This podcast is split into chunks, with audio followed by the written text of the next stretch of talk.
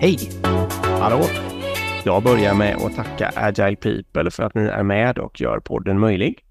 Jag pushar idag igen för eh, kursen People Development, Agile People Development. Eh, och det kretsar ju då väldigt mycket kring hur du som ledare kan få ditt team att fungera bättre. Eh, jag lägger länk i avsnittsbeskrivningen. Jag fick lära mig två nya termer idag som jag jag kunde absolut inte vad det var. Jag tror knappt att jag hade hört talas om dem. Och det är transaktionellt ledarskap och transformativt ledarskap. Mm. Och då hann jag kolla med dig innan här och du visste inte heller vad det var nämligen. Nej, det är ingenting jag känner igen direkt sådär. Nej. Jag kan gissa, men jag har inte hört det.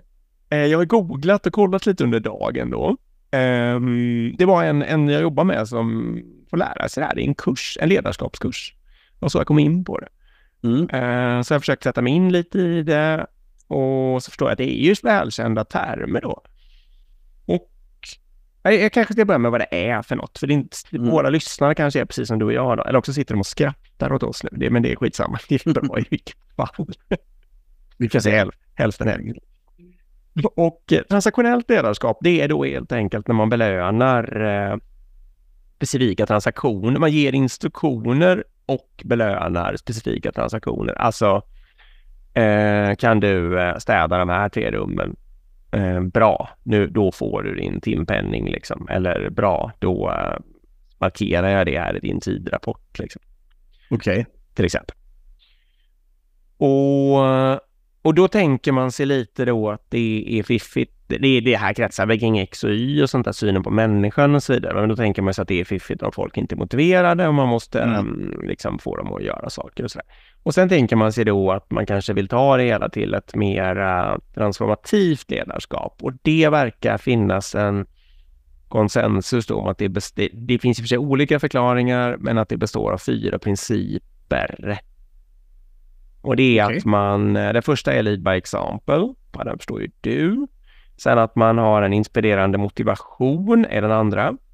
Den tredje är intellektuell stimulans och den fjärde är individuell omtanke. Mm.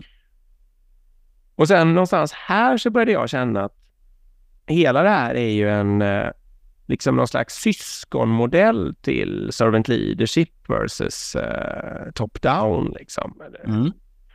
Och, och sen börjar jag känna att den är lite sämre, den här mm. förklaringsmodellen. Eller i alla fall inte, den är inte så krisp. Ja, jag vet i och för sig inte om servant leadership är så krispigt heller. Ja, men det är en annan i alla fall. Och så började jag känna att den kanske används mer av sådana människor som kommer från ett superklassiskt eh, top-down-ledarskap och vill ta sig någon annanstans. Att den inte mm. är lika... När vi, om vi kommer och föreläser och pratar om servant leadership så skrämmer vi skiten ur dem liksom. Mm. Eh, och de tror att det bara är flum och de tror att alla får göra som de vill. Alltså det är ju sådana problem vi råkar ut för. Medan däremot om det kommer någon sån här lite mer managementkonsultaktig eh, lärare och pratar om transformativt ledarskap mm. så passar det dem bättre liksom. Där någonstans. Ja, förlåt, nu har jag nog sagt allt jag har tänkt i snabbsammandrag. Vill du lägga till saker eller Ja, nej men det låter ju rimligt för det låter ju som att du går från liksom chef på lag då till att du ska vara chef över tjänstemän till exempel. Ja. Och då, då kan han redan liksom att nu funkar det inte längre och straffa folk om de, om de checkar in två sekunder för sent på kort liksom. Nej, uh, exakt. Nej, nej men precis, så det kan vi köpa. Um, Mm. Jag fattar också att det är lite bransch eh, eller verksamhetsberoende kanske, för det är sånt som vi jobbar med. Den här intellektuell stimulans. Det är ju ändå, inte bara kanske, men det är huvudsakligen en icke-fråga. Mm. Är få våra medarbetare som känner, hoppas jag verkligen, om, ni, om någon av mina medarbetare lyssnar och inte håller med så måste ni säga till. Pinga mig. Ja. Men, ja, pinga mig. Nej, men om ni känner, om någon känner, jag tror att det är få som känner att de inte har något intressant att göra så att säga. Ja. I, alltså på ja. någon större del av arbetstiden, det hoppas jag verkligen. Mm. Um, så det vittnar ju kanske också om att modellen kommer från andra slags verksamheter mm. än tech i alla fall. Så att säga.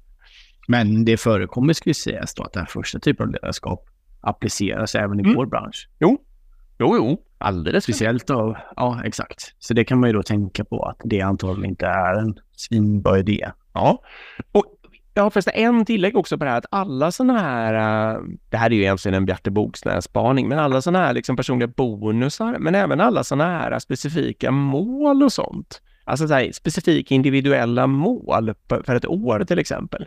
De blir ju väldigt mycket transaktionellt ledarskap, för det är ju som att försöka mm. säga att om du fixar det här och det här, då kommer du få en bättre löneökning. Liksom. Alltså här, den transaktionen, då får du det mm. resultatet. Liksom. Det är det enda du ska fokusera på. Jag säga det, jag skulle aldrig koppla en utvecklingsplan till lön bara. Nej, nej, nej, men det är ju du och jag, jag håller med dig. Och det finns ju krafter som förespråkar det kan jag tala om. Jo, även i vår bransch. Men det är ju katastrof.